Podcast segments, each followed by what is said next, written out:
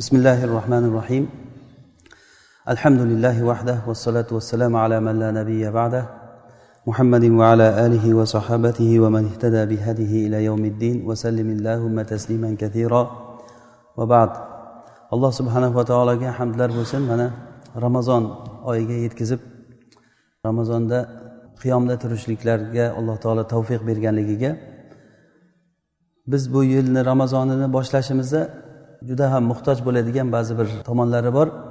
Inshaalloh mana shu narsaga biz e'tibor berib bugungi darsimizda shu ro'zani komil qiladigan bir tarafini bir gapiramiz inshaalloh. Biz shuncha yil ro'za tutdik ko'p yil ro'za tutdik. Ya'ni ba'zan o'ttiz yil qirq yillab ellik yillab ro'za tutganlar bor lekin taqvo hosil bo'lmadi. Ya'ni bu ko'p yil ya'ni yigirma yil o'n yil ro'za tutdik ba'zilarimiz. Lekin taqvo hosil bo'lmadi. O'zi aslida ro'zadan maqsad taqvo hosil bo'lishligi edi. Sababi buni sababi biz ro'zani olloh xohlaganday olloh buyurganday tutmaganligimiz uchun bo'ldi bu. O'zimizni o'zimiz ko'p yillar aldadik. Xuddiki bizni oldimizda ko'p yillar bor yana hali ro'za tutib olamiz.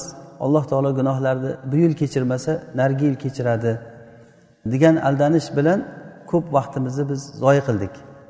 Alloh subhanava taolo o'tkazgan kamchiliklarimizni o'zi kechirsin. Bizga eng muhim narsa mana shu ro'zaga qattiq bir bel bog'lab bitta shart bilan ro'zaga kirishligimiz. Alloh subhanava taolo gunohlarimizni kechiradi. Yo kechiradi yo ikkinchi tomoni unda ham kechiradi degan tomoni bor. Uchinchi tomoni yo'q. Ya'ni faqat alloh taolo gunohlarni kechirish kerak. Agar gunohlar kechirilmasdan ramazondan chiqadigan bo'lsa bu odam ya'ni burni yerga ishqaladi rasululloh sollallohu alayhi vasallam duolari bilan. Ya'ni rasululloh aytdilarki burni yerga ishqalsin dedilar. Ramazon kelib gunohi kechirilmay chiqqan kishini burni yerga ishqalsin dedilar. Bu nihoyatda bir muhim masala bu. Ramazonda bu ro'zani mahkam tutishlik ya'ni olloh buyurganday tutishlik uchun hammamiz ham xohlaymiz hozir kimdan so'rasa olloh uchun ro'za tutyapman deydi. Lekin muhimi biz uchun sidiq kerak bo'ladi. Sidiq eng muhimi shu. Alloh taolo munofiqlar haqida aytganda aytadiki agar ular rasululloh bilan jihodga chiqishlikni xohlaganlarida edi qalblarida istagi bo'lganda edi tayyorgarlik ko'rgan bo'lardi. Demak ramazonga kiradigan odam gunohim kechirilsin deb kiradigan odam haqiqatda qalbida ixlos bo'lsa sidiq bo'lsa bunga tayyorgarlik ko'rgan bo'lardi. Bu uchun biz sabablarni ushlashligimiz kerak. Nima qilish kerak? Agar bilganimizga amal qilish kerak bilmasak so'rash kerak. Nima qilish kerakki shu oyda bir foydalanib qolaylik bu mavsumda kamchiliklar bo'lmasin uchun. Bu uchun bizga eng kerakli bo'layotgan narsa sidiq. O'zi sidiq kalimasi arab tilida bir narsani mukammal holatiga yetgan narsaga sidiq deyiladi. Masalan bir uy bo'ladigan bo'lsa uyda uyda yashash uchun nimalar kerak? Uyda yashashlik uchun nima kerak bo'lsa hamma narsasi bo'lsa uni eshik romlari bo'lsa derazalari bo'lsa hamma tomon uyda yashashga qulaychilik hamma sharoiti bo'lsa u uyni arablarda baytun sodiq deyilar ekan. Ya'ni sodiq uy degani sodiq deganligi hamma sharoiti bor degani. Agarda u sifatlari yana ham ko'tarilib hamma narsasi yaxshi bo'lsa ya'ni hamma sharoit bor undan ham ko'ra sharoiti yaxshi bo'lganiga baytun sodiqun deydi. Sodiq ya'ni sodni fathasi bilan. Baytun sodiqun degani ya'ni yaxshi uy ya'ni mukammal. Hamma narsasi bor yana bo'lib ham undagi jihozlari judayam yaxshi degani. Agarda sidiq deb turib kasra bilan aytilsa baytun sidqun deyilsa bu uyda hech bir kamchilik yo'q degani. Bundan ko'ra yaxshi qilish mumkin emas degani eng oliy ko'rinishi degani. Bu uyni baytun sidqun deydi arablarda. Bizdan sidiq degan narsa shu narsa talab qilinadi amalni qilishlik paytida. Endi o'zingiz o'ylang bu degani shu narsa uchun masalan uyni baytun sidqun deyish uchun ya'ni sidiq uyi deyish uchun u uyga kerakli bo'layotgan hamma narsasi bo'lsa aytamiz dedik. Sidiq ro'za degani ro'zani uchun kerak bo'layotgan hamma narsasi bor degani. Biz ro'zani faqat ibodatni bir tarafidan olib tutmasligimiz kerak. Alloh subhanava taolo aytadiki ala harf. Odamlardan shunday toifalar borki alloh taologa bir tomondan ibodat qiladi. Ala harfin ya'ni bir maydonni chekkasiga borib turib bir jarlikni yoqasiga borib ibodat qiladi deganday yoki bo'lmasa ala harfin degani bir tomonidan tarafdan ibodat qiladi. Bitta tomonda ushlab oladi. Ro'zada faqat yemaslik ichmaslik bo'ldi.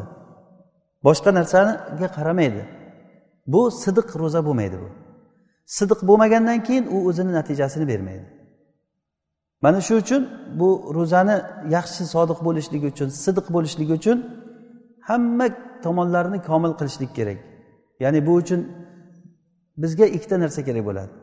Ya'ni bizni muhimimiz bu oyda qilayotgan yaxshi ishlarni ko'p qilishlik va munkar ishlarni tashlashlik bilan sidiqqa erishamiz. Munkar ishlarni tashlashlik hammasini. Agar ro'za tutib turib sigaret chekaversa odam sigaret chekishlikdan to'xtamasa yolg'on gapidan to'xtamasa harom yeyishlikdan to'xtamasa ribo bilan shug'ullanayotgan bo'lsa ishi to'xtamasa bu demak bu o'zini o'zi ahmoq qilyapti bu odam degan. Buni ro'zasi qabul emas bu bo'lmaydi demaymiz. Lekin undan maqsad qilingan narsa chiqmaydi. Yillab ro'za tutadi taqvo hosil bo'lmaydi. Mana bu hozirgi kunda bizni voqeligimiz. Qancha yil ro'za tutdik ro'za tutdik lekin o'sha ro'zadagi narsalar taqvolar hosil bo'lmadi. Rasululloh sollallohu alayhi vasallam eng sahiy kishi edilar. Va rasulullohni saxovatlari ramazon kelgan paytida jibrilga yo'liqqan paytlarida nihoyatda saxiyligi oshib ketardilar xuddiki rasulullohni saxiyligini esadigan shamolga o'xshatgan sahobiy.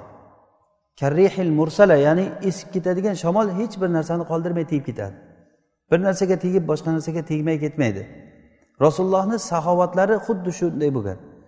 Shu holatni ibn hajar rahimaulloh aytgan ekanlarki rasululloh sollallohu alayhi vasallamni ramazonda yana ham saxiy bo'lishliklari oyni barakasi bilan ramazon oyini. Va bu oyda qur'onni dars qilishliklari bilan va jibril bilan jibril bilan qur'on bilan va bu oy bilan mana shu narsalar bilan ya'ni qur'onni dars qilishlik qur'onni o'zi va uni dars qilishlik va ramazon oyi va jibrilni tushishligi alayhissalom. Mana shu to'rtta narsa bilan rasulullohni saxovatlari oshar edi. Ya'ni bizga ham xuddi shu to'rtta narsa bormi yo'qmi hozir? Bizga hozir imom navaviy rahimaulloh aytgan ekanlarki qur'on bor. Hozir rasulullohga nozil bo'lgan qur'on komil qur'on. Mana hozir alhamdulillah bir pora qur'on eshitdik hozir. Qur'on komil bor. Rasulullohga qanday nozil qilingan bo'lsa o'sha turish turibdi. Va qur'onni dars qilishlik mana shu qur'onni tadabbur bilan qorini orqasidan quloq solib turishlik bilan bo'ladi. Va ramazon oyi alhamdulillah mana bu muborak oyga yetib keldik. Va jibrilni o'rniga jibril alayhissalomni o'rniga solih kishilar bilan birga hamroh bo'lishlik. Ularni suhbatida o'tirishlik. Mana bu narsa ramazon oyida foydalanishlikka juda ham katta yordam beradi. Mana shu sabablar agar ushlaniladigan bo'lsa qur'onni tadabbur qilishlik va uni dars qilishlik qalbda o'shani asarini sezishlik ta'sirini qur'onni ta'sirini sezishlik. Mana bu uchun bizdan sidiq kerak bo'ladi. Sidiq degani yuqorida aytganimiz kabi hozir ro'zada sidiq bo'layotgan bo'lsa buni hamma ro'zaga kerak bo'layotgan nima kerak bo'lsa qilaylik nima kerak emas bo'lsa shu ro'zadan chetlanaylik. Agar bir kishi bizga so'kadigan bo'lsa rasululloh sollallohu alayhi vasallam o'rgatdilarki u nima desin? Inni soim inni soim. Takror takror aytdilar. Men ro'zadorman men ro'zadorman. Hozir bo'lsa odamlar buni aksi ro'zador odam g'azablanib birovga baqiradidan keyin uzr men ro'za edim deydi. Ya'ni o'zini g'azabini to'kishliginiga ro'zani sabab qiladi. Aslida aksincha bo'lishi kerak. Boshqa bir odam agar ro'zador odamga g'azab qilsa men ro'zadorman deb eslatib qo'yish kerak. Ya'ni ro'za bu narsalarni man qiladi deyish kerak. Mana shu narsaga o'zimizni o'zimiz o'rgatishimiz kerak. Shabon oyida qanday bo'lsak ramazonda ham xuddi shunday bo'lib chiqadigan bo'lsak bu ya'ni ro'za o'zini samarasini bermadi degani munkar ishlardan qanchasini biz tark qildik? Ramazondan oldingi qilib yurgan yomon xulqlarimiz bor. G'azablanadigan odamda g'azab bor yolg'on gapiruvchida yolg'on bor harom yeyishlik bor va hokazo va hokazo. Hamma odamda bor bu munkar ishlar. Olloh o'zi asrasin. Shu ishlardan qanchasini tark qila oldingiz ro'zada? Va nima oldingi qilolmagan ishlardan nima ish qilishlikka siz odatlandingiz shu ro'zada? Ya'ni bu bizdan ko'proq bir tadabbur qilishlikni va ko'proq o'zimizni ustimizda ishlashlikni talab qiladi. Mana shu bir oy davomida biz shu narsaga o'rganishligimiz kerak. Bu kechalarda namoz o'qishlik namoz o'qigan paytda haqiqatdan olloh qabul qilsin deb o'qishlik kerak.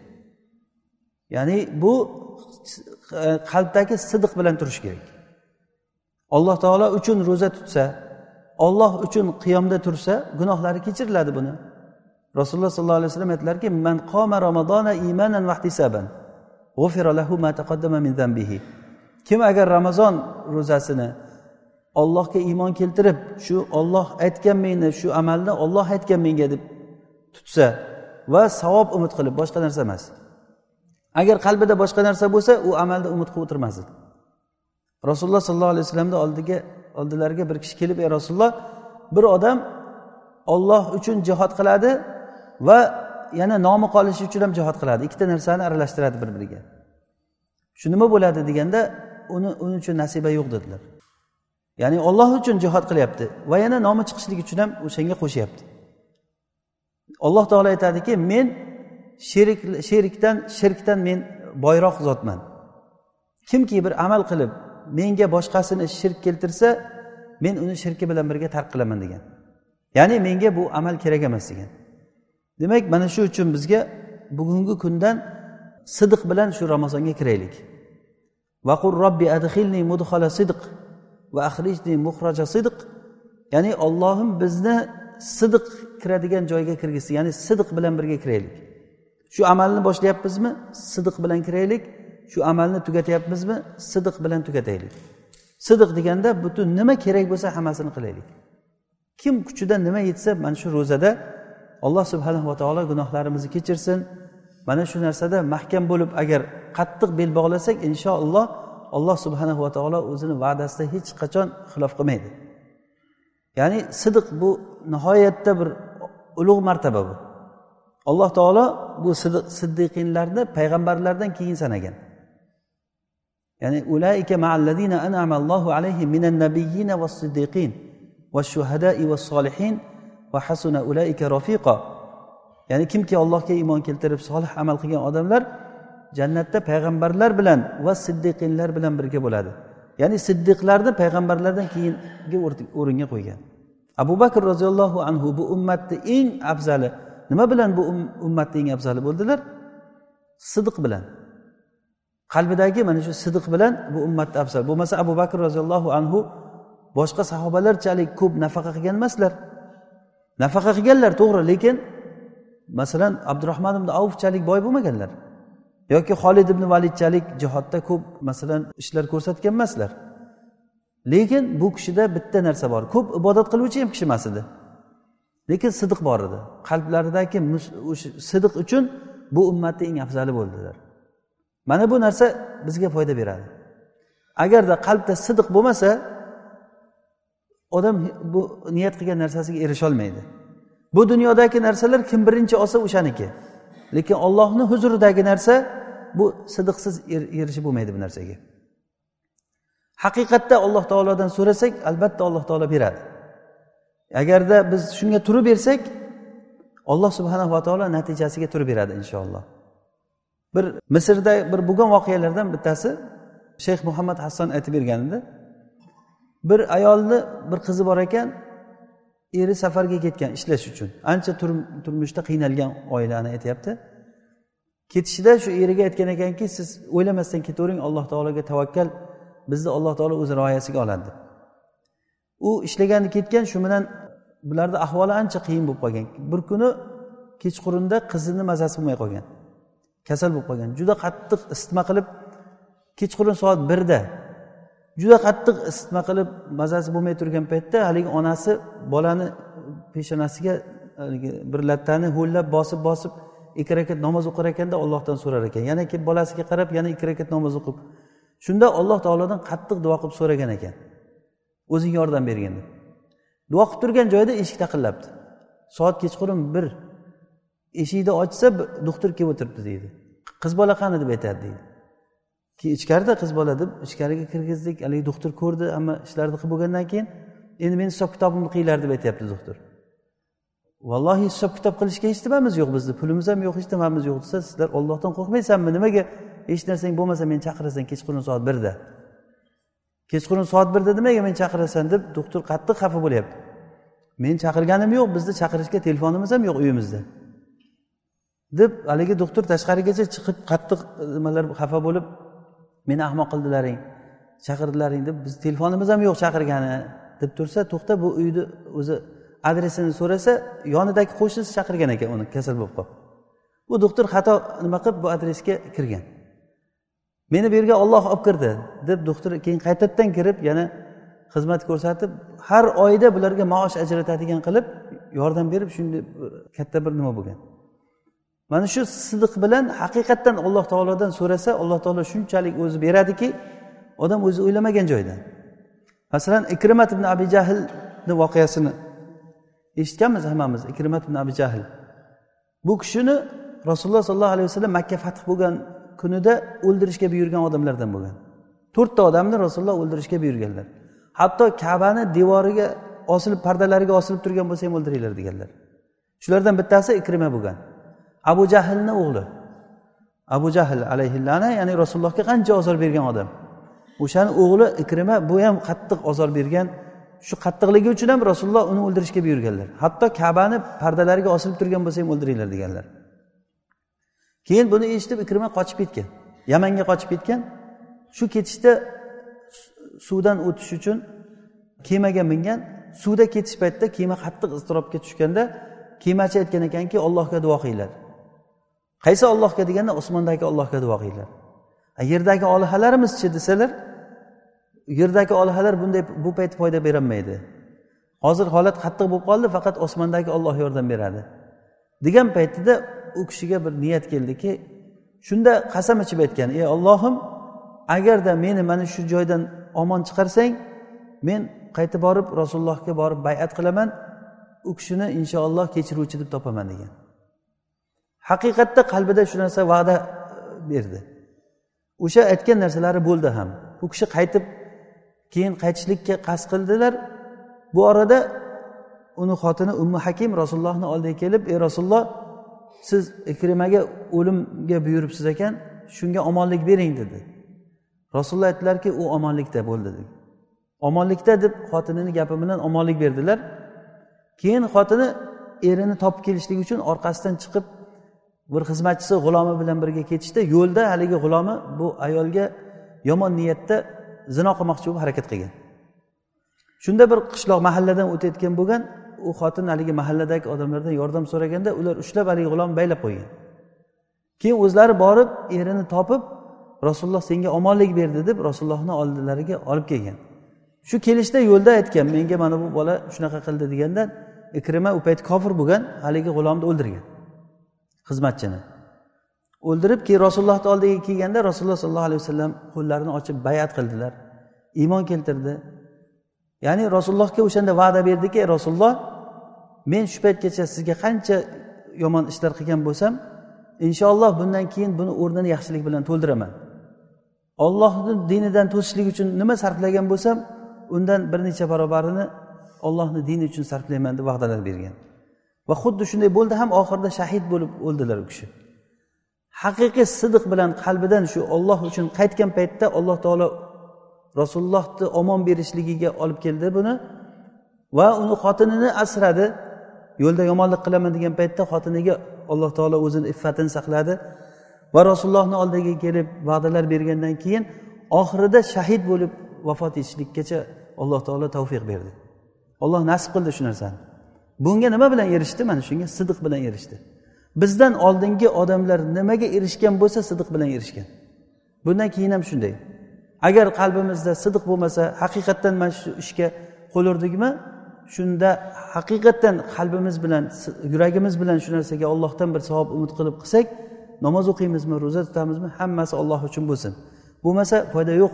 Bu o'tirishlardan bu qiyomillaydan ro'za tutib charchab suvsab ovqatsiz qolishliklardan foyda bo'lmaydi olloh asrasin alloh subhanahu va taolo hammamizga foydali ro'za tutishlikni o'zi tavfiq bersin سبحانك اللهم وبحمدك نشهد أن لا إله إلا أنت نستغفرك ونتوب إليك صلى اللهم وبارك على عبدك ونبيك محمد عليه الصلاة والسلام